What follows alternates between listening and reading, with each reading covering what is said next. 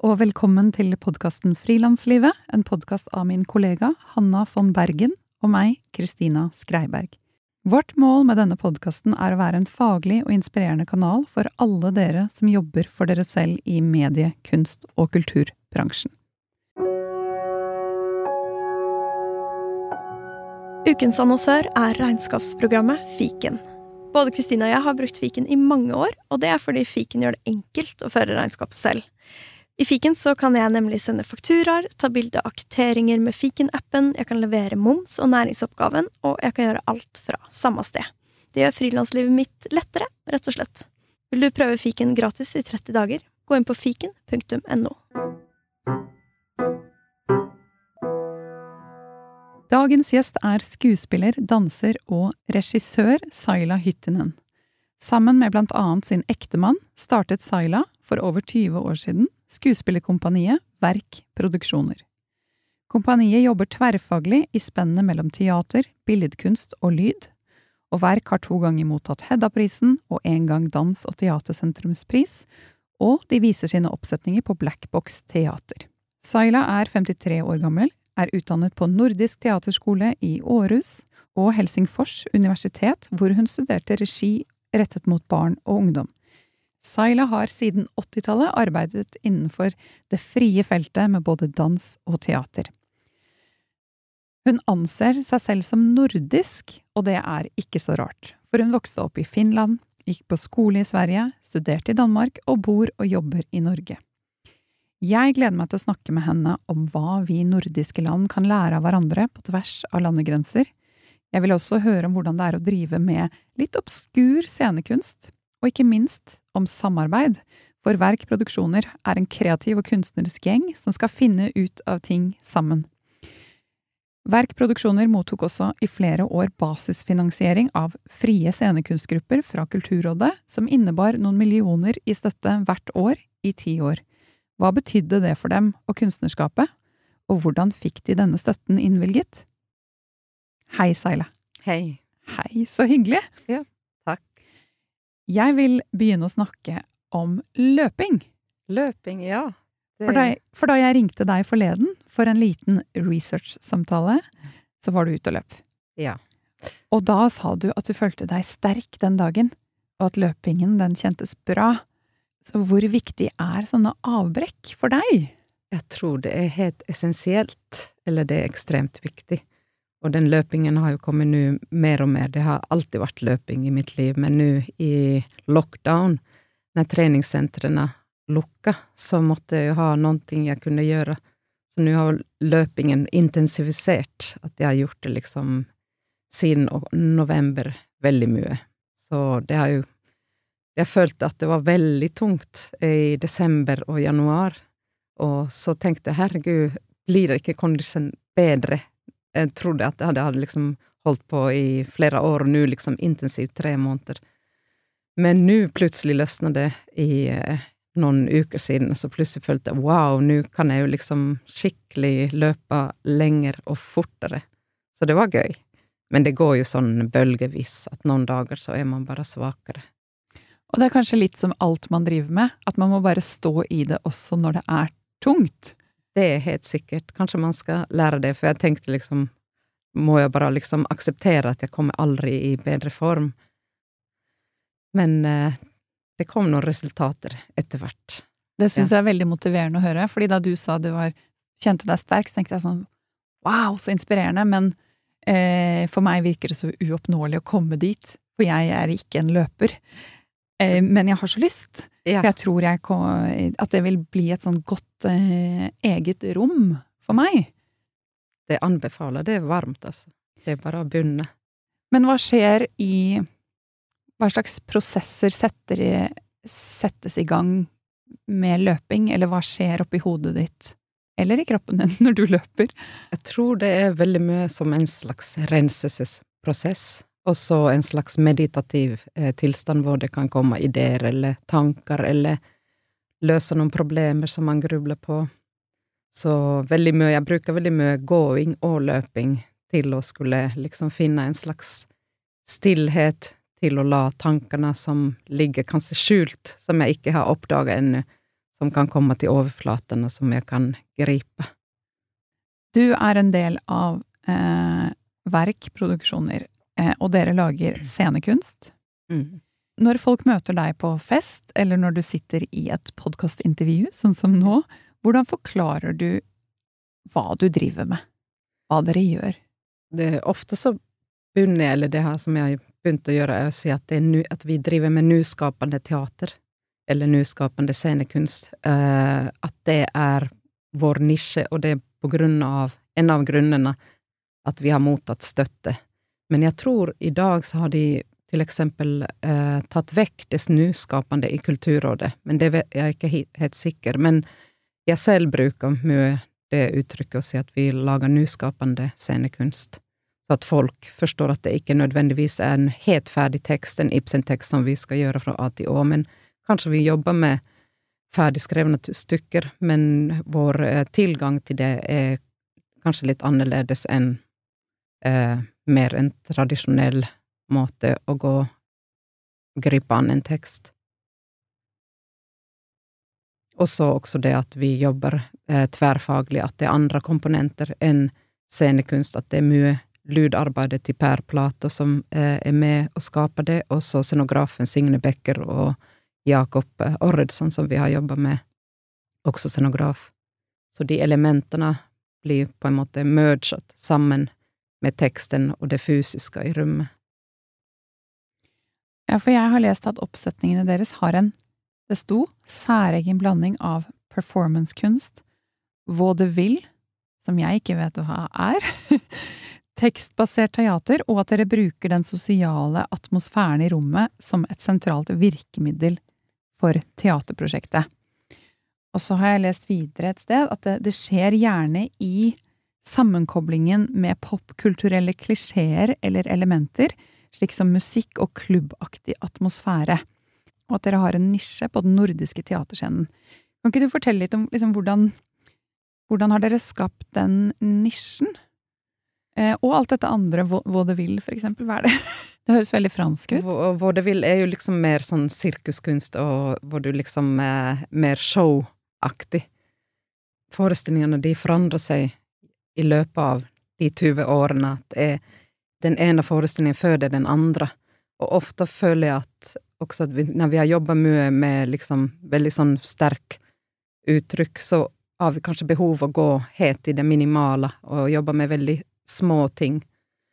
Så den, det inneholder ikke bare vaudevilsk og store eh, armbevegelser, men også ganske sånn små poetiske rom som vi har skapt. Hender det at du får reaksjoner fra folk som ikke skjønner hva du jobber med? Absolutt, det har jeg. Jeg har en sånn gjeng fra Sats, faktisk, som jeg har blitt kjent med noen uh, hyggelige mennesker der, og jeg har oppfordret dem å komme og se forestillingene våre. Og det er så gøy, på en måte, de har ikke brukt å gå og se uh, forestillinger på Black Box. Kanskje gått andre steder på operaen, eller sett Jo Strømgren, eller andre typer uttrykk. Og så å få høre deres reaksjoner, på godt og vondt, men den åpenheten som de har, har vært veldig spennende. Og andre eh, publikum som eh, ikke er fra Sats, men også publikum som kanskje har fulgt oss i flere år, og som kommer med uttrykk og sier at 'dette forsto jeg ingenting om, men jeg elsker det', eller 'dette forsto jeg ingenting om, jeg likte ikke det', eller ja, alle typer reaksjoner er velkommen. Mm. Men når folk spør sånn 'syns du det går greit å forklare', um, eller liksom har det Jeg tror veldig mange som driver med skapende ting, kan eh, I perioder kan det være vanskelig å pakke det inn på en litt sånn lettfattelig måte når folk spør. Absolutt. Det er man stopper opp, eller jeg stopper opp hver gang når folk spør hva, hva, hva jobber dere nå med, og så tenker jeg nei, oi, jeg vet ikke hva vi jobber med, på grunn av at det er en prosess, og man kanskje starter et sted, man begynner å lese en del litteratur, og så kommer man inn på en artikkel og sier ok, her var det noe utrolig spennende, her må vi gå videre med. Så den liksom ikke Vi de siste årene så har vi jobba mye med å skrive selv også, og de i kompaniet har skrevet selv og tatt utgangspunkt i det, så det er også vanskeligere å si, for at eh, når man begynner å skrive, så kan det gå mange veier.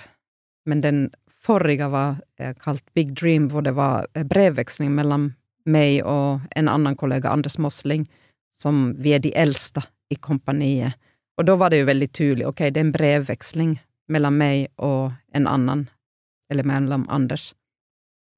Ja, for det er så mye lettere å, få, uh, å formidle noe når det er, man har et resultat. Ja. Men veldig, de lengste periodene er man jo i prosess. Mm. Og da selv kan jeg ja, kjenne at å, det er så vagt, og egentlig som du sa, jeg vet ikke helt hva jeg jobber med, er egentlig Mm. litt fint å si. Ja, og jeg er i en, en eller annen prosess, jeg vet ikke helt hva det er. ikke sant. Man er på søken. Ja, At man søker. jeg er på og... søken, Ja. den kan man si. Ja. Ja.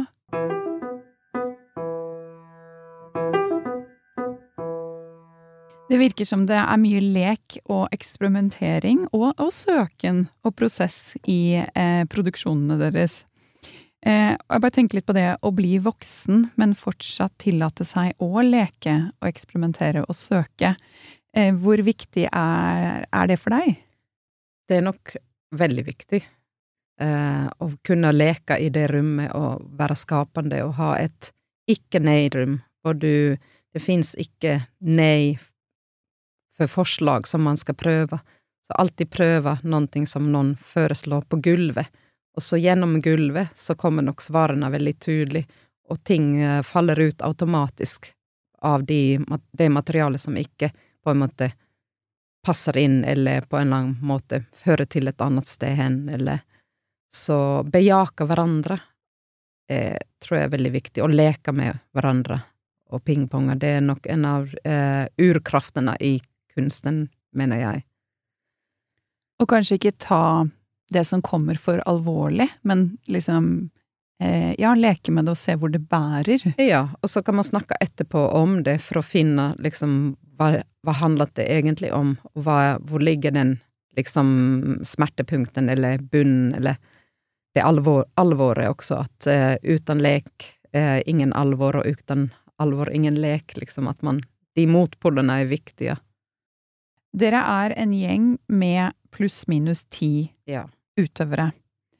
Eh, og fra mange forskjellige bakgrunner og ikke minst nasjonaliteter. Mm. Å være en sånn gjeng som samarbeider, hvordan, hvordan funker det?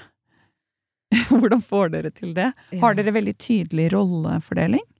Ikke i begynnelsen. I begynnelsen når prosessen starter, eh, så er vi veldig liksom på samme nivå. Liksom, hvis alle skal skrive eller alle skal behandle en, en roman som vi skal eh, omskrive eller gjenfortelle, så kommer alle med sine synspunkter og ideer, og så begynner vi å prøve på gulvet og gi forslag, og så etter hvert så er det Fredrik som tar hånd om eh, Outside Eye, regissørrollen, som syr det sammen og Per Plate som tar lyd, og Signe eller Jakob som lager scenografi. Så de liksom Mens prosessen foregår, så blir det mer og mer at du tar din hatt på. At du mer og mer blir du bare skuespillere eller utøvere eller regissør.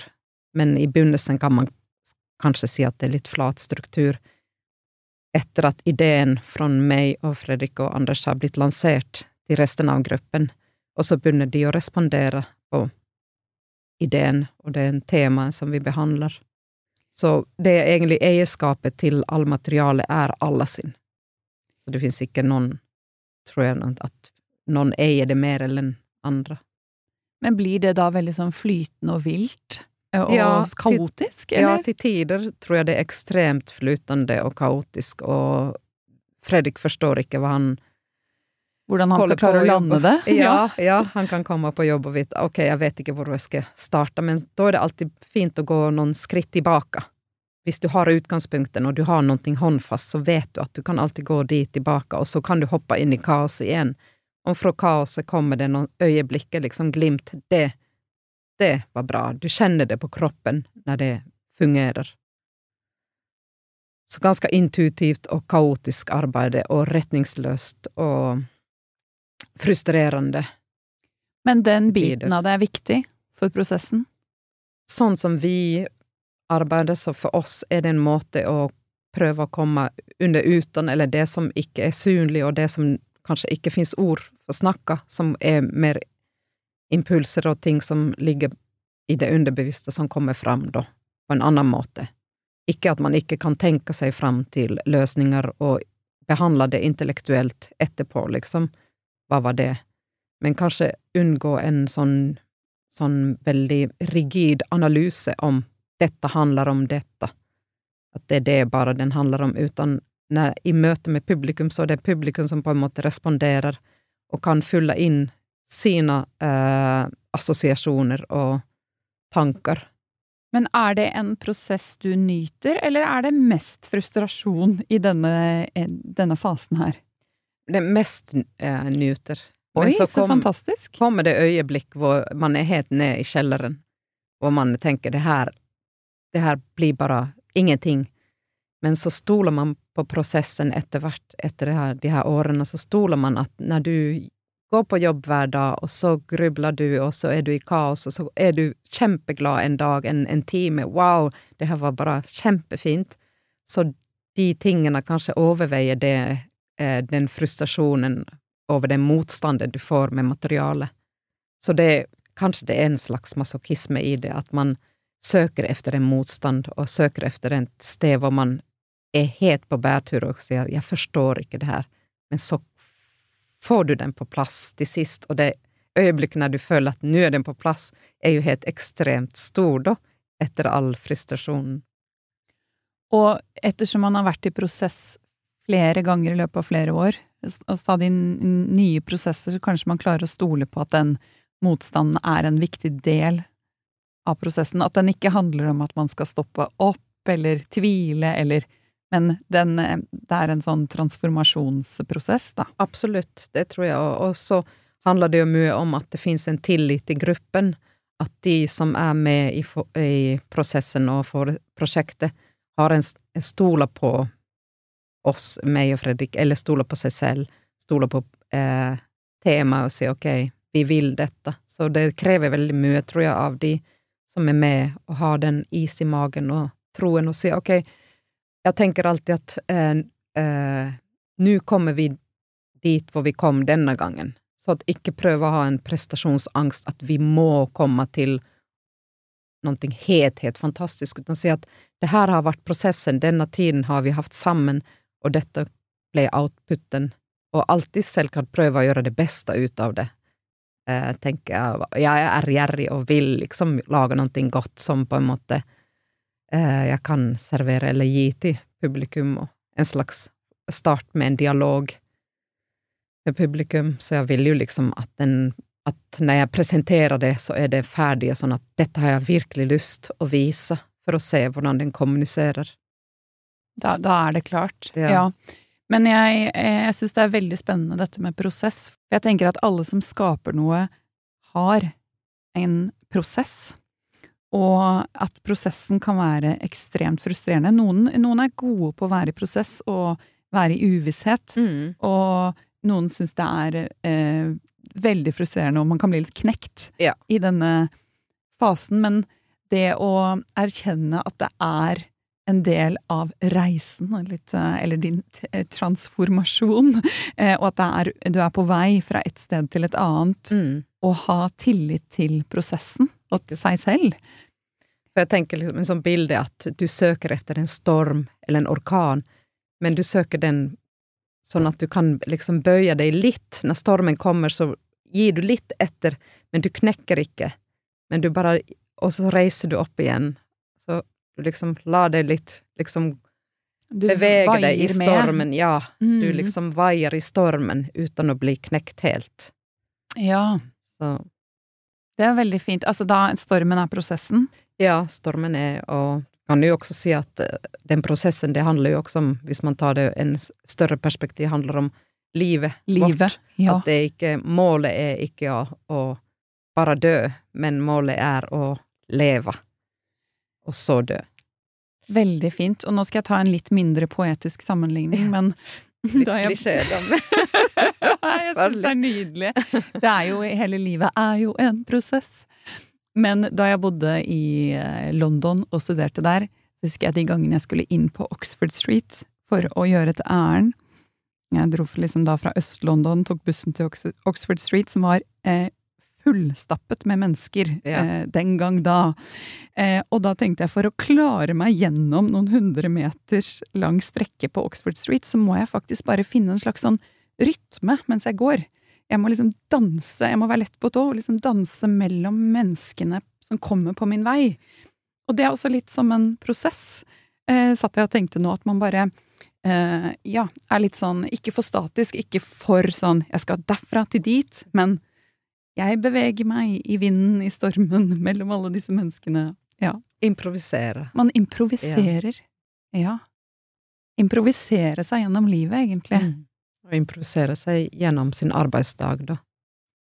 At man har noen faste ting som man vet, noen oppgaver som jeg skal gjøre, men jeg kan leke med de og improvisere rundt de faste oppgavene, da.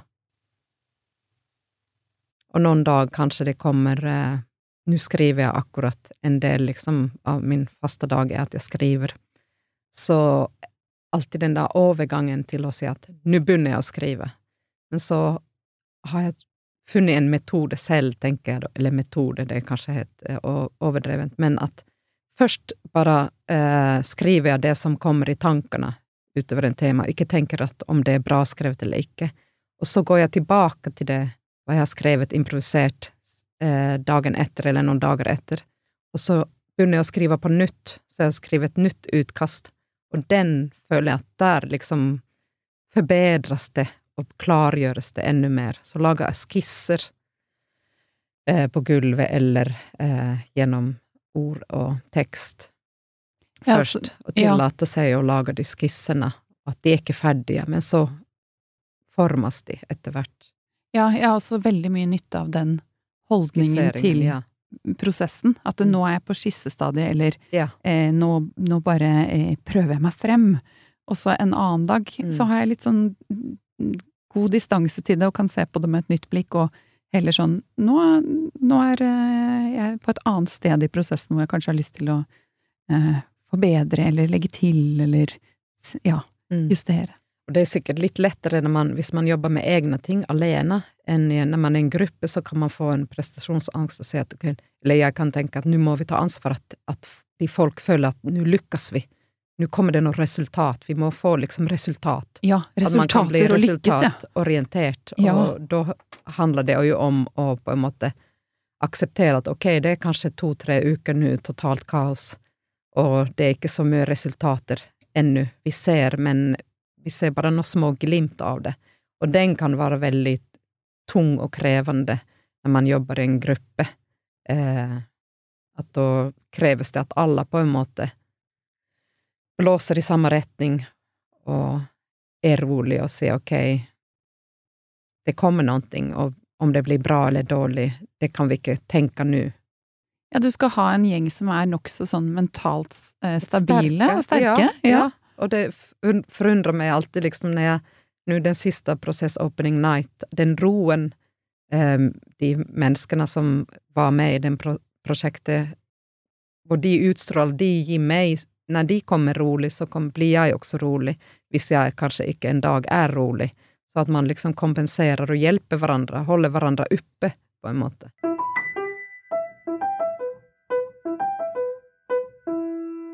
Hvorfor etablerte du og din mann og en utøver til, har jeg skjønt, et kompani? Hvorfor bestemte dere dere for det? Vi var, vi var i Århus og studerte, tok bachelor i Nordisk teaterskole. Vi hadde sånn mesterlærerprinsipp eh, i Nordisk teaterskole, at det var to mesterlærere som, eh, den gangen som tok oss gjennom de tre og et halvt år som vi var der. Og han Tage Larsen fra Odin teater, han sa, når vi hadde sånn slutt eh, prat, en og en, med han og Anna-Lika, som var mesterlærerne. Han sa at husk å finne et fellesskap, ikke bli alene. Nå ble jeg nesten rørt. Ja. Oh, oh. ja, det er så mye fint i et fellesskap. Ja. Og jeg han, tror mange ja. kan være, kjenne at de er alene. Ja, så han sa det, og så, den lå i bakhodet mitt, tror jeg, og sa ok, jeg må finne et fellesskap. Og så fant jeg da Anders og Fredrik og Thomas og May-Britt og så var det et, liksom, vi lagde et egen gruppe, samtidig som jeg jobba med en danseteatergruppe som var mer en, en institusjon, fri scenekunst, danseteaterinstitusjon, hvor jeg jobba ti år, som var en slags trygghet ved siden av å skape sitt eget. Så det løp parallelt, og jeg tror den tryggheten var ganske fin å ha Tinnboks, hvor jeg var i ti år. Men dette med fellesskap, for det er Mm. jo tydeligvis noe som du eh, Det satt seg hos deg. Mm. Um, men hva har vært um, så fint, eller viktig med det? Å ha det? Virkelig, jeg ble så rørt. Uh, det jeg elsker når folk blir rørt. Ikke med Så jeg fortsetter å spørre. Eh, Nei, det er kanskje sånn uh, som vi snakka tidligere, en sånn der extended family. Det er for tidlig på morgenen. Vet, vet du hva det er når folk blir rørt på podkasten? Det er Det blir så vakkert og fint. Så det er, der man, det er da det betyr noe for noen. Eller for de vi er, snakker med. Da kan jeg ikke la være å spørre. Nei, men det, det er den der eh, eh, Sammen er vi sterkere, kanskje. Jeg vet ikke. Samtidig som man må finne sitt eget rom, da. Sin eget private solrom, som man kan på en måte Så at man ikke blir oppslukt eller spist opp av det fellesskapet. Men det tror jeg alle eh, menneskene føler på det der, å være alene og være et, en, en, et samarbeid, et fellesskap. Hvordan du kan få din egen stemme og dine egne ideer også fram, så de ikke kanskje bare støtter eller jatter med de andre, da. Så den balansen er jo også sånn på individuelt plan er det veldig interessant og krevende og spennende og frustrerende. Ja, hvem er jeg i fellesskapet? Ja, og så tenker jeg, er jeg da ingenting utenfor det fellesskapet? Ja, og det kan man jo si at alle er jo ikke solokunstnere, og det må man jo akseptere. Og så den, det spennet og den indre dialogen man har i seg selv, er jeg noe alene som kunstner, eller er jeg bare i det fellesskapet? Så Og så kan det kanskje også være å akseptere det at eh, kanskje jeg ikke er solokunstner, men sammen med noen utvalgte folk, så kan jeg også eh, bidra med min eh, kunnskap. Mm. Men du som har vært en del av et fellesskap i Mm. mange, mange, mange år, over 20 år, hvordan finner du ditt eget rom? Den er jo i, i, i den dialogen med de andre i gruppa, samtidig som det er noe eget, genuint eget, som man tror at man har, som man tar med i den gruppa, da, eller den prosessen. Som bare du har, Ja. og alle de andre har sitt som de Ja. har. Mm. Og så som man da i det liksom Uh, Hva heter det så fint, så fint ord når det er flere ulike uh, nasjonaliteter eller flere ulike stemmer, så at alle kommer med sitt uh, sin måte å være, som gjør at det blir mer variert. Variasjon. At variasjon egentlig tror jeg alltid er veldig bra for kunsten. Eh, Hvis det blir for homogent, så kan det bli eh, kanskje ikke så interessant som at det blir mer variert. Nå har jo du og mannen din jobbet sammen i over 20 år. Mm. Eh, og hvordan, hvordan er det å både jobbe sammen og leve sammen? Kanskje nå har det så blitt så inngrodd en vanlig tilværelse at man jobber og er sammen, så jeg, jeg har ofte, eller ikke ofte, men noen gang tenkt at hvordan skulle det være å ha et ekteskap med en som jobbet, var til eksempel eh, lastebilsjåfør eller advokat, eller Men jeg tror man, uansett om man jobber sammen, er kunstner sammen, så finner man alltid noen møtepunkter og snakker om tingene som mer på en større universal plan, men nå er jeg jo inne i det.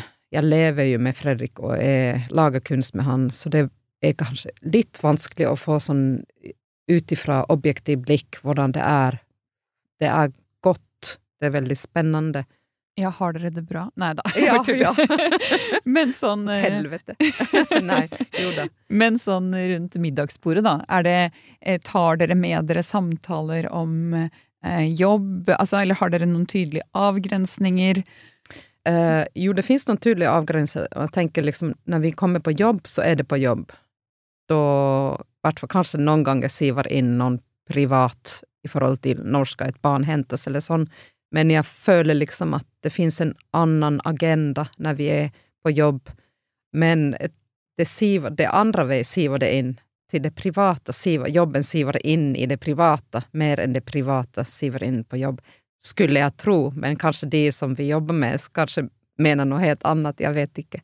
Men innifra føles det sånn at, uh, at den diskusjonen vi har starta, spesielt når det er vanskelig, eller når det er noen motstand i arbeidet, så er det veldig naturlig at vi fortsetter der hjemme. Vi kan til og med fortsette å improvisere på stuegulvet og se hva med sånn her, hva da, hvis vi prøver denne uh, løsningen, se her, liksom. Uh, så, og, men det er bare gledesfylt.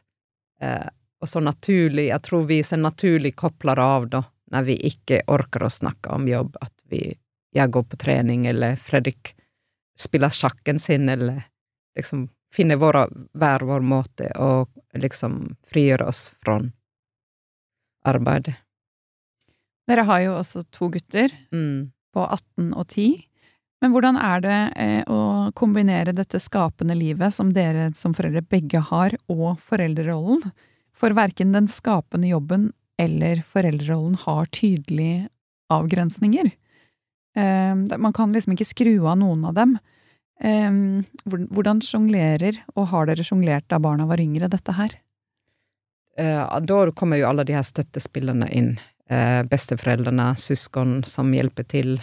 Altså, min mor var med på turneene, uh, og Fredriks mor, min svigermor, var med også. Når vi var på turné, så var de passa Elias. og så ble det jo en lang pause, som jeg sa når vi snakka tidligere, i åtte år eh, mellom den første og andre, hvor det kom verk, hvor vi satsa alt på verk, og verk ble det tredje barnet, da. Og Eller kom, andre barnet. Ja, andre så, barnet, og ja, så At dere har tre, ja. Mm, mm. Så kom det liksom en sånn Yes, nå må vi ha en til riktig barn. Menneskebarn. Ikke bare kunstbarn. Så det har gått gjennom de her støttespillene. Og så hadde vi et Takk og lov for det. Ja, fantastisk nabo apropos gamlebyen og naboskap, det var to kvinner som eh, bodde under oss, et par som eh, på en måte adopterte Elias, og de har passa Elias og Ask i, når vi har også gått på turné, så de har bodd hos dem. Og så har vi hatt to sykepleiere som har kommet hjem til oss og passa på Elias Ask, så det har vært veldig mange støttespillere som har hjulpet oss. Uten dem så hadde det jo aldri gått. Ja, da virker det som at dere har vært eh, bevisst på å skape, finne disse støttespillerne. Og, og, ha et sånt sikkerhetsnett. Sikkert, liksom av ren nødvendighet, og så at det har Ja, og på grunn av at vi begge to har vært med. Så da er det ikke sånn at den andre kan nødvendigvis bli hjemme, uten vi har måttet være begge to på turné. Og så av en eller annen grunn så var jeg ikke sånn veldig hipp å ta alltid barna med på turné for at det blir sene kvelder, og så trenger man tid. For ofte har jeg vært på scenen, så jeg trenger også tid å liksom innhente meg og sove og for å sen spille en forestilling. Men de har, så de har gjort begge deler, da. Vært hjemme og blitt passa og vært med på turné. Ja, det er også mitt råd, at hvis man ikke har masse nær familie rundt seg som gladelig tar den rollen, mm så finne andre sånne primærkontakter for barna sine som man kan eh, benytte seg av, og som de blir kjent med, og som, ja, kan stå, stå ved deres side. Mm. Altså, jeg tror kanskje det er bare positivt for barna at de merker at det er andre folk utenom foreldrene også som I faktisk bryr seg ja. om dem og er veldig nære primærkontakter på en annen måte, men Skaper ja, en slags en, trygghet, kanskje. Ikke sant, og en større horisont. Altså at det er mm. flere mm. Kjenner flere. Flere tett på. Mm.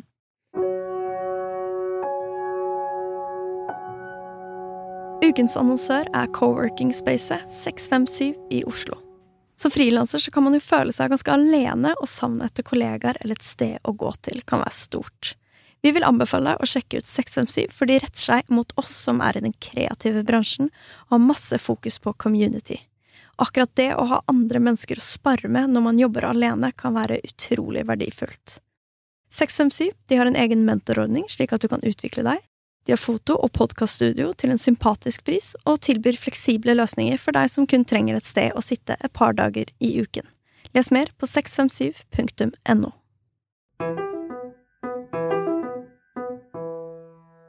Hva gjør du for å ivareta din egen mm, måte, gnist og skaperkraft? Din egen interesse for det du holder på med? Det er et godt spørsmål. Hvor kommer den liksom fokuset og kraften? At man Det kommer jo selvsagt dupp.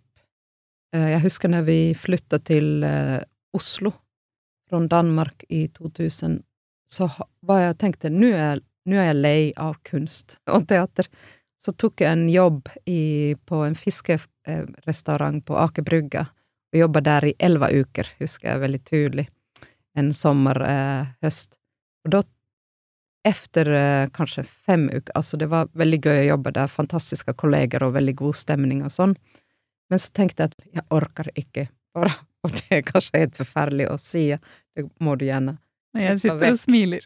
ja, men eh, Og da liksom merke at den indre kraften er i kunsten, at det å uttrykke seg og forske i noe er så spennende at den tar over. Og når det kommer liksom sånne lavperioder hvor man kanskje sier jeg orker ikke gå på teater og se alle forestillingene på Nationaltheatret og Norska og Black Box og Vega Scene og alle de her, eh, så må akseptere det òg og så sier jeg ok, da leser jeg mer. Leser filosofi, ser på YouTube, hører på podkast. Fyller meg selv med andres eh, blikk på verden, som gjør at jeg plutselig wow, fantastisk. Eh, nu, det, det, bare må, eh, Det er en finsk filosof som heter Esa Saarinen, som snakker om sånn systemtenkning. Holder foredrag. Nå har han holdt foredrag på Zoom på grunn av eh, pandemien. Så nå har jeg lytta til hans eh, systemtenkning, filosofi, foredrag på Zoom eller på YouTube som er helt fantastisk eh, spennende. Og jeg aner ikke om det er noe produktivt, om det kommer noen kunst ut av det, eller noen ferdig produkt. Altså sånn system, eller skape struktur i arbeidslivet? Ja, til opplegg, eksempel. Han, ja. han, går mer inn i Han til eksempel snakker enn eh, bestemødrenes eh, system. Så han går veldig bredt inn Det er utrolig vanskelig å gjenskape for meg med ord hva han snakker om. Man må nesten gå og se, for at det er så filosofisk og stort. Han snakker liksom om flere temaer, men han Grunnleggende tror jeg hans prosjekt er at vi som mennesker eh, lærer å tenke bedre, så blir vårt liv bedre. Så du lærer noen strukturer, eh, systemer å tenke. Det fins jo han Daniel Kahneman som snakker om første og andre tenkning. Og den første tenkningen er den impulsive, hvor du begynner å bare liksom kommer i impuls. Og den er jo veldig viktig, syns jeg, da, i forhold til kunsten, at Eller i livet sånn ellers også, at du får en impuls, du følger etter den, men så kommer den andre eh, eh, nivået av tenkning, hvor du kanskje går mer stille til verks og tenker og grubler rundt et tema eller en impuls eller en problem som du har i livet, og hvor du liksom rasjonelt prøver å løse den så bare sånne ting gjør at jeg blir sånn supergira og syns det er utrolig gøy eh, å jobbe skapende, for at den påvirker jo min tenkning i forhold til når jeg skriver eller er på scenen eller eh, snakker med Fredrik eller mm. Ja, den eh, boken, 'Thinking Fast and Slow', ja, jeg heter? tror det, ja, ja. det er den han skrevet.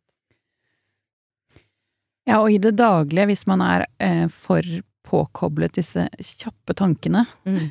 så kan man jo noen ganger glemme at det, det fins alle disse lange tankene og eh, helt andre perspektiver på livet, og hvordan man kan gjøre ting, og hvordan man kan leve og forholde seg ja. til verden på. Ja. Helt fantastisk. Liksom voff. Ja. Og der er det jo Det kommer det der at hvordan vi Det å ha et, en samtale, eller bli sett av hverandre, hvordan vi liksom føder hverandre, du føder meg, og så plutselig blir jeg levende, eller det motsatte. Og den er sånn spennende.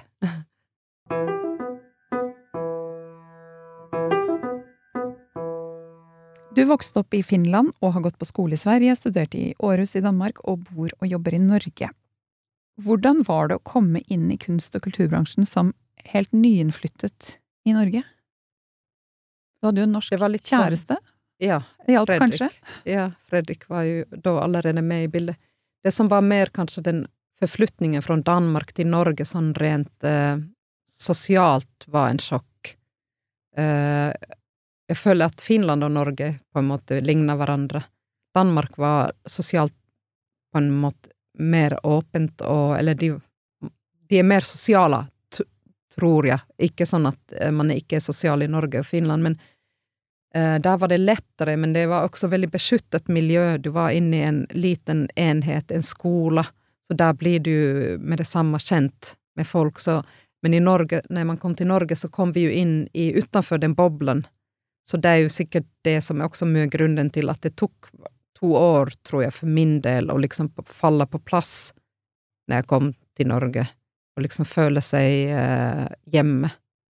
Å skape et eh, ja, dagligliv Ja, et utenfor den nettverk. studieboblen. Ja, Ja. et nettverk og venner og ja, folk som, eh, som du kan tilbringe tid utenfor bare ditt arbeid. Men sånn bransjemessig er em, Jeg tenker sånn, er det mange ulikheter mellom disse Mellom de nordiske landene? Ja, jeg, ja, jeg tror det. Altså, har jeg, det er lenge siden jeg har vært inn i liksom dans- og teaterverdenen i Finland på den måten som jeg har mitt virke i Norge, men eh, Norge er jo eksepsjonelt i forhold til det at det finnes en slags eh, finansiering for eh, fri scenekunst og fri dans, som finnes også i Finland, Sverige og Danmark, men det, det er mye mindre. Så det er lettere på en måte, men det er mer konkurranse kanskje også i Norge i forhold til de pengene, da. At det er kommet flere, en grasrot som er større her enn det er i Finland, og så Hvor ville dere vært med verk hvis ikke dere hadde oppnådd den støtten dere har fått opp gjennom årene? kanskje det hadde blitt sånn outsider art, teater som hadde funka uten den kulture, kulturrådsstøtte, men det er jo bare en hypotese, det er vanskelig å si. Kanskje man hadde videreutdannet seg og blitt eh, sykepleier eller, eller brannmann, eller eh, Når man ikke, for at man Vi lever jo i et kapitalistisk, liberalt eh, samfunn som du må jo ha penger for husleien og Men sånn samarbeid på tvers av eh, landegrenser i Norden, eh, eksisterer det et form for samarbeid? Eller sånn kunnskapsutveksling? Nå som Finsk-norsk kulturinstitutt i Oslo tar jo en del finske kunstnere til Norge, men om det er noen norsk Det er, det er ganske Jeg skulle si det er ganske minimalt, men jeg er ikke ekspert, så jeg vet ikke hvor mye blir importert og eksportert mellom de nordiske landene.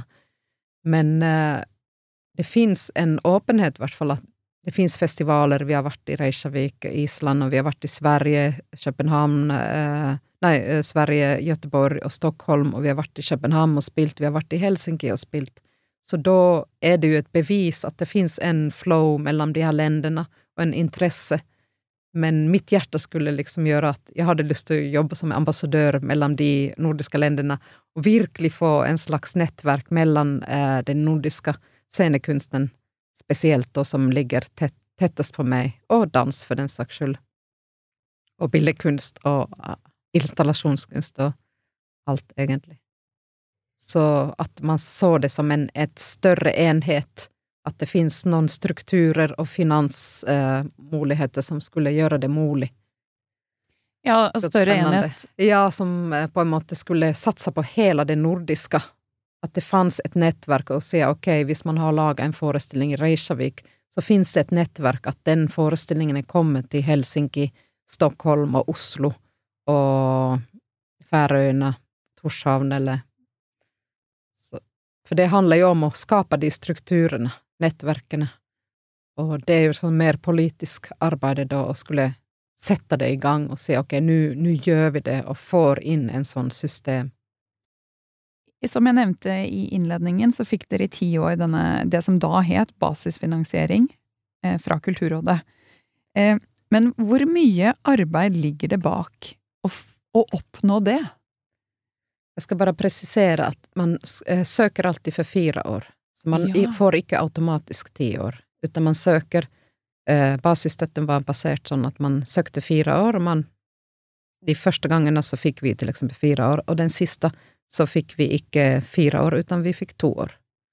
Eh, så bare sen eh, For ti år om gangen kan jo virke litt sånn vilt. Ja, Ja, det får sånn, du ikke. Mm. Men nå får du jo kunstnerskapsstøtte som er fem år, og den får du på en, en søknad. Hvis du er heldig, da. Hvis man er heldig. Ja. Ja. Men disse fire Eller sånn, hvordan, hvordan går man i gang med en så En søknad som innebærer såpass mange år, da? Fire, fire eller fem Mm. år. Hvor omfattende arbeid er det? Det er veldig omfattende, og det er jo eh, Fredrik som er den som ofte, eller som skriver de her søknadene. Det er hans liksom eh, styrke. Jeg kan pingponge med han, eller komme med ideer, eller høre på hva han har skrevet, men det er liksom der han tar en dypdukkert inn i det. Og jeg ser jo det fra siden av, og det er jo en, et kjempearbeid. Det er jo liksom et eh, tre-fire måneders arbeid, fulltid, eh, hvor du undersøker og tenker og formulerer, skriver, prater eller samtaler, eh, før du formulerer og skriver om det. Og som jeg sa til deg, at den tanken er jo at når du har skrevet noe, så har du faktisk gjort det halve arbeidet.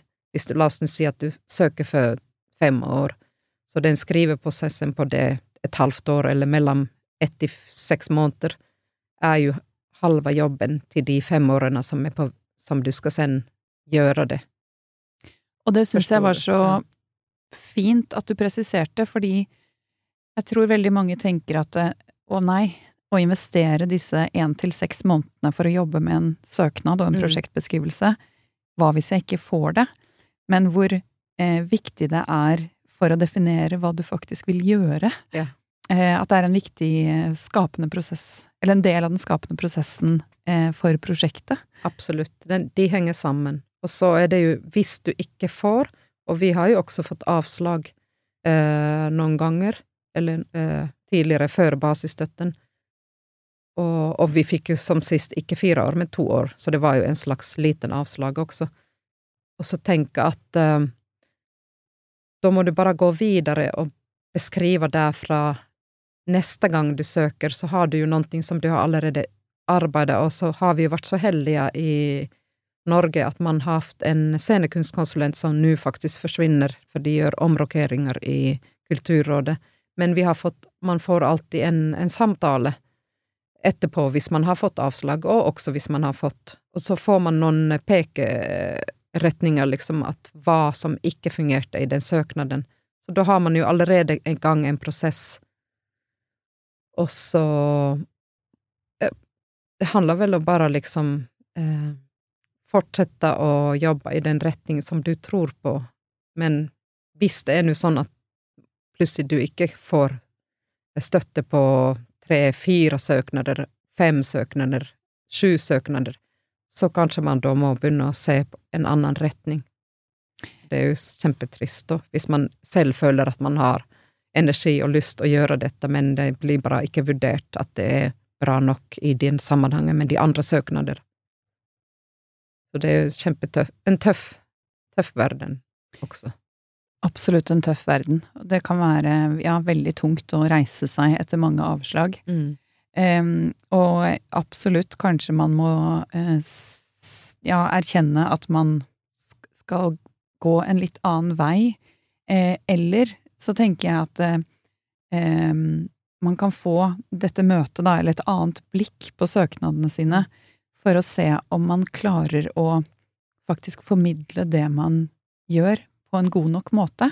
For Mm. jeg tror mange kan sitte med med alt det de tenker at de skal skape, veldig sånn tydelig oppi hodet, og så eh, er det kanskje ikke tydelig for den som leser hva du eh, har som mål om å utrette. Og det er jo kanskje At det skjer et sånn brist der, da. Ja, det er jo det å kunne formulere og skrive på en god måte er jo en helt annen prosess enn at du eh, jobber på gulvet og skapa materiale med kroppen din eller med teksten. Så Ja, og Eh, det du skal jo være å Bra på mange plan hvis du skal jobbe med frilansvirkelighet. Absolutt.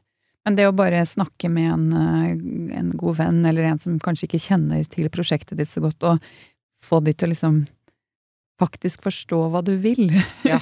kan være en, En god øvelse, ja. En god øvelse. Mm.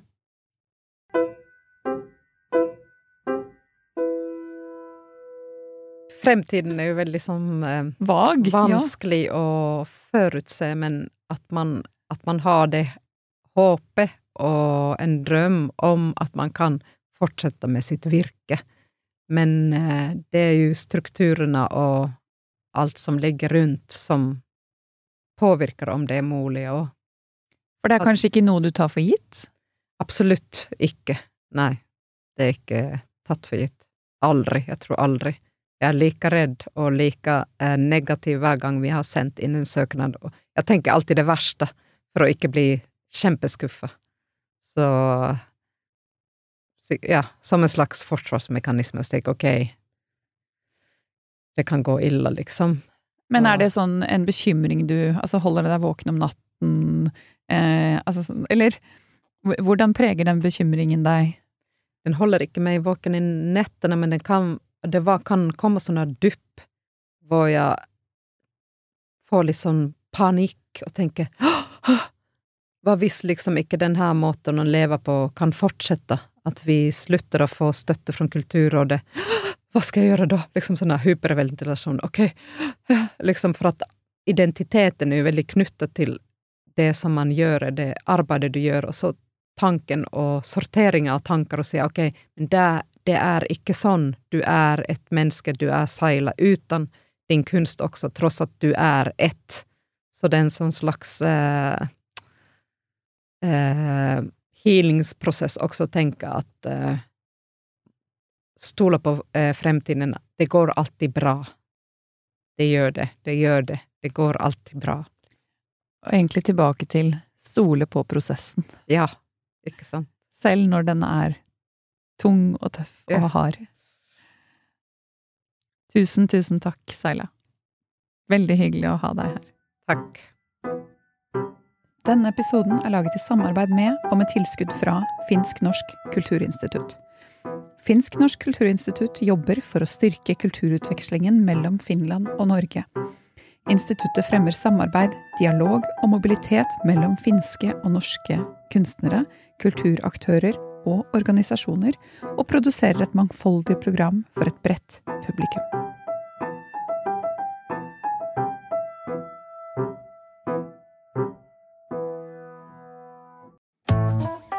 Har du et enkeltpersonforetak eller en liten bedrift? Ikke det? Nei. Nei, men da holder vi det enkelt og gir oss her. Fordi vi liker enkelt. Fiken superenkelt regnskap.